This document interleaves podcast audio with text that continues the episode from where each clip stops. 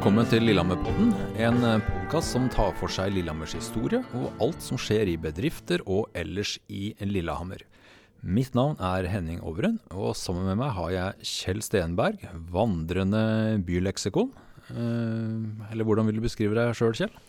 Jeg skal ikke beskrive meg selv noe spesielt, ja, men jeg har jo alltid interessert meg for historie, og derav også mye av lokalhistorien. I dag skal vi over til Mesnabruk, som ble etablert av Peder Bue i sin tid. Når var det, og hva var, hva var det han egentlig starta med der? Peder Bue han etablerte Mesna bruk i 1814, altså i grunnlovsåret. Eh, og dette er jo før Lillehammer blir en by. Eh, så han eh, gifter seg jo lokalt her med en person som gjør at han får tilgang til tomter på nordsiden av Mesnelva. Uh, og han er en, også en veldig driftig person, så han begynner jo med ulik produksjon av utstyr som typisk hører landbruket til, da. Med bl.a. Uh, der hadde du både klokker man hadde på gårdene osv. Så, videre, og så, så ganske mange sånne ting som hadde relatert til landbruket. Det gjørtlervarer, som han gjerne kalte en del av dette her, det var ting som han uh, syntes var interessant. Altså Han utviklet en, en bedrift da, som egentlig hadde nok uh, fokus på å, å lage varer som var interessant for gårdbrukere. Han gifta seg da til noen lukrative tomter, men hva, hva, annet mer hadde han å starte med? Starta han med tomme hender, kan vi si det? Ja, du kan jo si at han startet med relativt tomme hender. Men uh, han var jo en veldig driftig fyr, så han lagde jo da møllebruk langs elva og begynte å starte produksjonen. da. Men uh, han må jo være en innovatør, eller hadde han nye tanker om hva som skulle produseres? Lagde han ting som allerede fantes på markedet for å lage noe bedre? Ja, han lagde nok helt sikkert ting som allerede fantes, og som ble uh, produsert av andre. Uh, men hvis vi hopper litt i tid, da, så er det jo sønnen som kanskje blir enda mer kjent. For han, sønnen Erik Bue overtar jo denne bedriften i 1833. Og han regnes som en teknisk geni. Uh, ingen formell utdannelse, men han uh, utvikler da denne bedriften. Og, og, Erik Bue er For det første er, blir han veldig sentral i byens utvikling som en av de personene som har tung teknisk kompetanse, og som er i stand til å gjøre ganske mange forskjellige ting. Men hadde Erik Buer da, hva, Du sier han har ikke noe formell utdannelse. og hvordan, Hvor kom impulsene fra? Nei, Det er jo litt vanskelig å si, men tydeligvis så Hans far hadde jo også uh, vist betydelige tekniske evner. Bl.a. vel vært tatt i fange under krig med svenskene. Og hadde vel i fangenskap også vist at han kunne ganske mange ting. Han, jo, han er ingen dumming, denne Norrbaggen, hadde vel eh, en svenske sagt, en svensk offiser sagt til han. Og sønnen hadde tydeligvis han hadde arvet eh, både interesser og også anlegg for teknisk utvikling og teknisk innovasjon. Og vi vet jo, selv en dag i dag er det jo kostbart å, å, å, finne opp ting og utvikle ting. Hvordan hadde de råd til å drive og pusle med det her? Det, det er jo viktig å komme raskt til markedet og, tjene, og kapitalisere eller tjene penger på det? Ja da, det er ingen som helst tvil om. Nå begynte vel han også med i og for seg de, la oss kalle en del av de standardvarene da, som egentlig var vanlige på, som hans far også hadde stått bak, og som var vanlige på gårdene rundt omkring. Disse gjørtlervarene osv. Men så var han også Han, han eh, tok seg jo tid også til å se på mulighetsrom for å gjøre andre ting. Og, og når vi er nå på 1830-tallet og etter hvert på 1840-tallet, så har vi jo en del brennerier rundt omkring. Et brenneri etableres jo ikke minst i Lillehammer i 1847. Hva har disse brenneriene behov for? Blant annet så har de behov for mer funksjonelle ting til å bl.a. vaske poteter. For Dette er jo potetspritbrennerier. Og den gamle måten og, og Fra gammelt av så måtte man jo vaske for hånd alle potetene. Det var et tungt og ikke minst et fuktig arbeid. Ja, jeg ser for meg jobben med å, å, å gjøre det i stor skala. Men hva, hvordan greide de å Veit du noe om hva han fant opp for å få Ja, for, løse det for det problemet? lagde, han, han lagde jo da en, egentlig en potetskyllemaskin, da, som egentlig ble po veldig populært, og som da ble solgt til flere brennerier i Norge. Og som egentlig var med å automatisere, eller delautomatisere, en del av den veldig tunge virksomheten som var på brenneriene.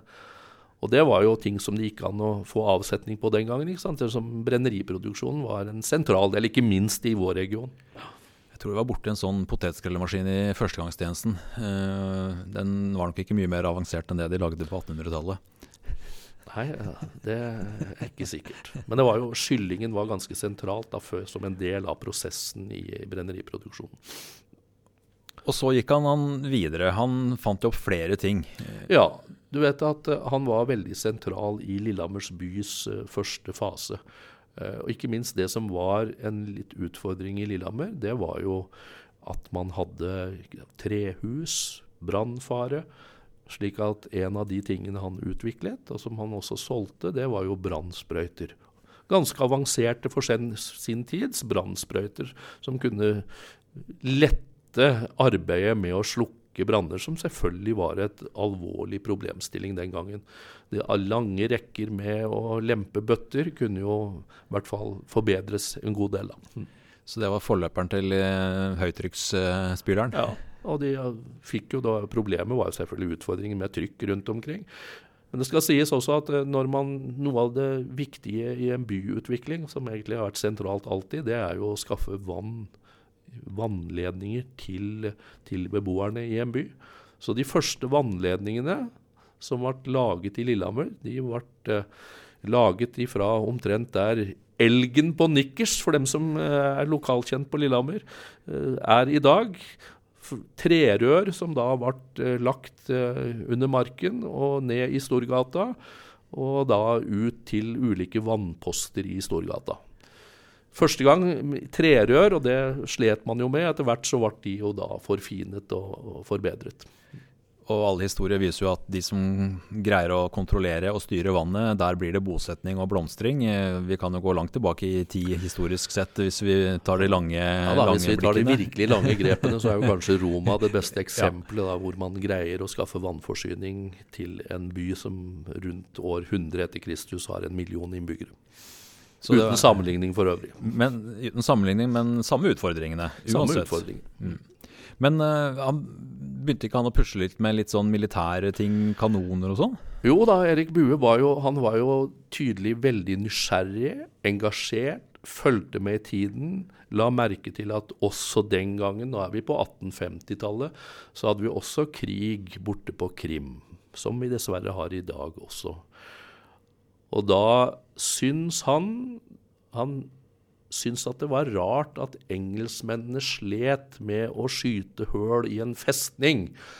Dette leste han om i daværende Lillehammer Tilskuer. Og dette trigget han. Han var ingen som har sagt i ettertid at han var en spesielt krigersk person, men denne utfordringen med å lage da ting som kunne være mer effektivt, det, det pirret nok hans interesse. Så han utviklet da egentlig en ganske avansert kanonmodell, som han etter sigende drev og prøveskjøt med nede på Mjøsisen. Det høres jo også veldig risikabelt ut da, å drive og utvikle kanoner. Hvem fikk en til å tenne lunta først? Nei, det vet jeg ikke. Han gjorde nok mye av det sjøl. Det sies jo historiemessig at han drev og prøveskjøt nede på Mjøsisen, og det, resultatene var veldig bra. Så han, han dro jo ned da, til Kristiania og, og prøvde å få daværende generalstab i tale, for han mente at han kunne få utviklet kanon, kanoner da, som kunne være interessante for det norske, daværende norske forsvaret. Så var det nok sånn at de fleste så på han, i hvert fall der nede, de, når han kom og foreslo sine ting, så anså de han som en bygdetulling, egentlig. Så det, han kom jo ikke noe videre med det. Det som er det interessante med det, at det er kanonmodellen han lagde, da, som er Når du ser den, det finnes jo en modell oppe på Maihaugen i dag. Den er ganske interessant. Den er hulkil. Den ser egentlig litt ut som et moderne missil, det man skjøt ut av den kanonen. Så var det brukt støpjern i en, en form som skulle gjøre at man kunne egentlig da skyte med mye større ladning enn det som var vanlig før.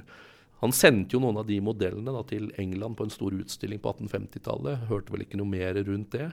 Men omtrent samtidig så utvikler da engelskmennene ved en ingeniør som heter Armstrong, en kanon som egentlig kommer til å revolusjonere det britiske militærvesen på 1850-tallet. Og det britiske militærvesenet på 1850-tallet det er jo store, de store tidene for det britiske imperium. Og det var, eh, De utviklet altså Denne Armstrong utviklet en kanon som forvekslingsvis da skal være relativt lik den Erik Bue eh, lagde samtidig. Og så har noen skumlet om eh, ja, var det noen som så hverandre i kortene osv. osv. Uansett, det forteller litt om hans og igjen vil jeg si, det er ikke hans krigerske sinn, men hans evne til å utvikle egentlig ganske moderne ting. Det er jo interessant det at de, de finner opp ting tilnærma likt. Men uh, det som var interessant der, er jo at uh, nok en gang kommer det da en såkalt nesten kall det bygdetulling inn til Kristiania og møter motbør. Og så får han på en måte bekrefta sine tanker og ideer fra den store imperialistiske stat uh, England på den tiden. men så han tjente jo da kanskje ikke noe penger på det her, han da? Nei, jeg tror eh, han, han eh, var nok ikke opptatt av uh, å egentlig og nødvendigvis ha sitt stempel på alle mulige ting. Så, så vidt vi vet, så tjente han ikke noe på sine patenter. Han, han, han gikk nok ikke inn i egentlig patentlovgivningen og sikret egentlig den type ting heller. Han var opp, genuint opptatt av å kunne utvikle ting. Da bare det å utvikle militære våpen uten egentlig å ha en godkjenning fra militæret, høres jo risikabelt ut i forhold til flere ja. faktorer. Samtidig så er vi i en annen tid ikke sant, enn det vi er i dag. En helt annen tid. Uh, og det er interessant. Han, også på, på Maihøen i dag så kan man jo også se på Han lagde jo også geværer. Uh, egentlig veldig moderniserte geværer, uh, som også er interessante i utgangspunktet. Ja, Hvordan moderniserte han geværene, da? Jo, altså han lagde jo geværer hvor du Fra gammelt av så kunne du jo altså Hvis jeg tar veldig gammel historie, ikke sant, så kunne du skyte ett og ett skudd. Uh, men her var det jo egentlig mer automatiserte automatgeværer da, som kunne skyte flere skudd osv. Ja. For oss som er litt over middels glad i gamle cowboyfilmer, da, ja. så var det jo geværer på, i de, den tiden der. Var den, bare, hva var forskjellene? Er det mulig å beskrive det? Som, ja, jeg skal, jeg skal være forsiktig med å beskrive, prøve å beskrive de store forskjellene på det. Men det, det, det var en god del mer automatisering på, på, ting da enn det som var normen eller helt vanlige på den tiden. Og så lagde han også mange andre ting. da, mange vi har jo bilder som antagelig Det var jo veldig ute med å lage sykkel. For det høres jo enkelt ut i dag, men eh, det var ikke vanlig med sykler på 1850-1860-tallet. Han utviklet vel bl.a. en sykkel som det forefinnes et bilde av, eh, som også er digitalisert. Og så er det en litt kurios, morsom historie, da, egentlig, at den siste kjente oppfinnelsen vi vet om at han gjorde, det var når kona og han det sies at det var kona som fikk dårlige tenner. Nå er det vanlig for alle å få dårlige tenner etter hvert uh, den gangen. Men da lagde han en tyggemaskin etter ei kjøttkvern for at man skulle kunne få i seg maten på en enklere måte.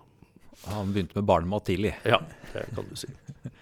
Men eh, tilbake litt til messen av bruk. Hvor, hvor, mange ble sysselsatt der etter hvert? Nei, Etter hvert så ble jo Messen av bruk ble etter hvert overtatt av eh, nye innehavere når vi kommer ut på 1860-tallet. Og så blir det en De lever jo da og moderniserer ting rundt moderne landbruksartikler og ulike ting rundt det. Så man regner vel med at rundt, hvis vi nærmer oss 1900-tallet, eh, så er det kanskje 90 mennesker som er sysselsatt på Vestna bruk. Så åpenbart en stor industriell eh, aktør? En stor industriell aktør. og så Etter hvert når vi kommer ut på 1900-tallet, så blir jo den også i og for seg styrker stillingen. Det er jo Lillehammers lengstlevende bedrift, etablert i 1814. Og så varer den faktisk fram til 2008, da den går konkurs. Da er den flyttet sant nok til mål. Men suksessfaktoren for Mesnabruk var igjen Mesnaelva pga. energi? Det er klart at eh, Den første delen av det var viktig. Da var Mesnaelva helt sentralt. Ikke minst også at man, man hadde direkte kunne bruke vannet som ren energiåre. Og etter hvert så fikk man også relativt tilgang til billig elektrisk kraft. Sånn i et historisk perspektiv. Vise har, står seg jo godt og er jo godt kjent, mens buenavnet er jo det er jo et Lillehammer-navn, på en måte det òg, men eh, det er kanskje ikke så godt kjent? Nei, det er ikke like godt kjent. Det skal sies det at når, vi, når man etablerte noe Smevik Eiendom har etablert Mesna-kvartalet, så har man prøvd å legge litt historiske ting i det. Så man har brukt en del navn hvor Bue, Bue sitt navn kommer bl.a. til å bli brukt da på en plass ovenfor det som i dag er Lillehammer, Lillehammer eh, bakeri. Så en del av historien prøves å vise fram, eller i hvert fall så man ikke skal glemme navnet. Så jeg har lyst til å si én ting, for det er jo en annen kjent historie rundt Erik Bue. da. Og det er jo etableringen av Lillehammer brenneri i 1847.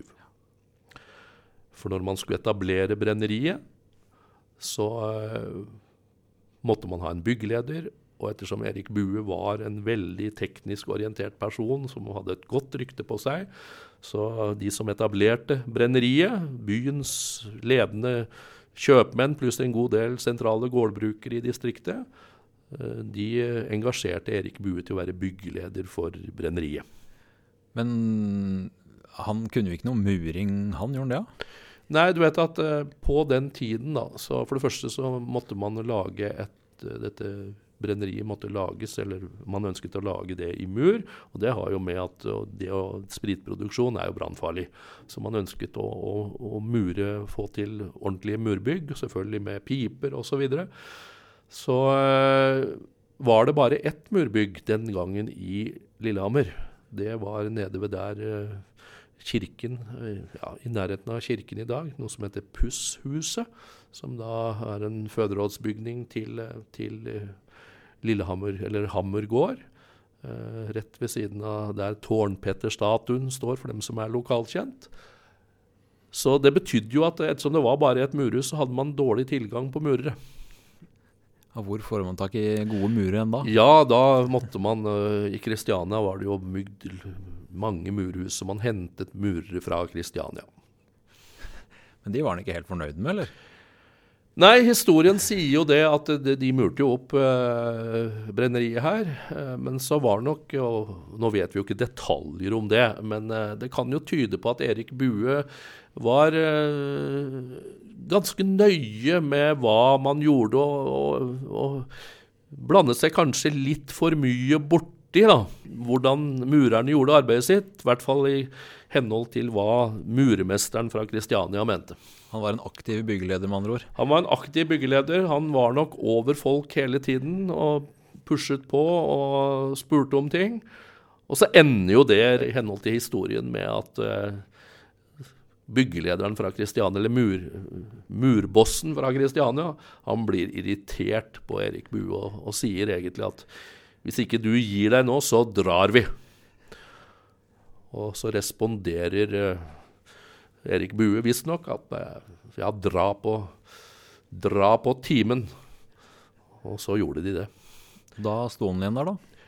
Da hadde hun litt utfordring, for de var ikke ferdig med brenneripipa. Hadde rett og slett ikke fått opp denne brenneripipa. Og selv om selve murbyggene var greie, så så var det en ganske sentral, viktig del som sto igjen. Og det var brenneripipa. Da tok han murespaden i en annen hånd? Ja, han tok spaden i en annen hånd. Han, eh, det sies jo at Erik Bue hadde aldri murt før i sitt liv. Men han uh, murte da brenneripipa etter eget hode. Og den står der den dag i dag?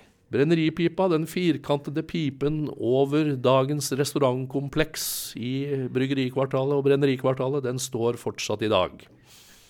Det er jo ganske imponerende, da. Så det er jo tydeligvis en mann med flere evner her.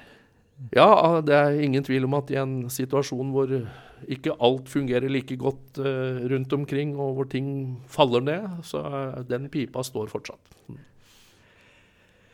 Det var litt om eh, Erik Bue og de som eh, har hørt ordet brenneriet nevnt her. Og 1847 så har kanskje noen vært innom et sted som heter Brenneriet 1847, som er en eh, nattklubb. En av Norges lengstlevende nattklubb. Det er en annen episode vi skal komme tilbake til, til seinere. Dagens episode er laget av Votter og Vinter, et medieselskap.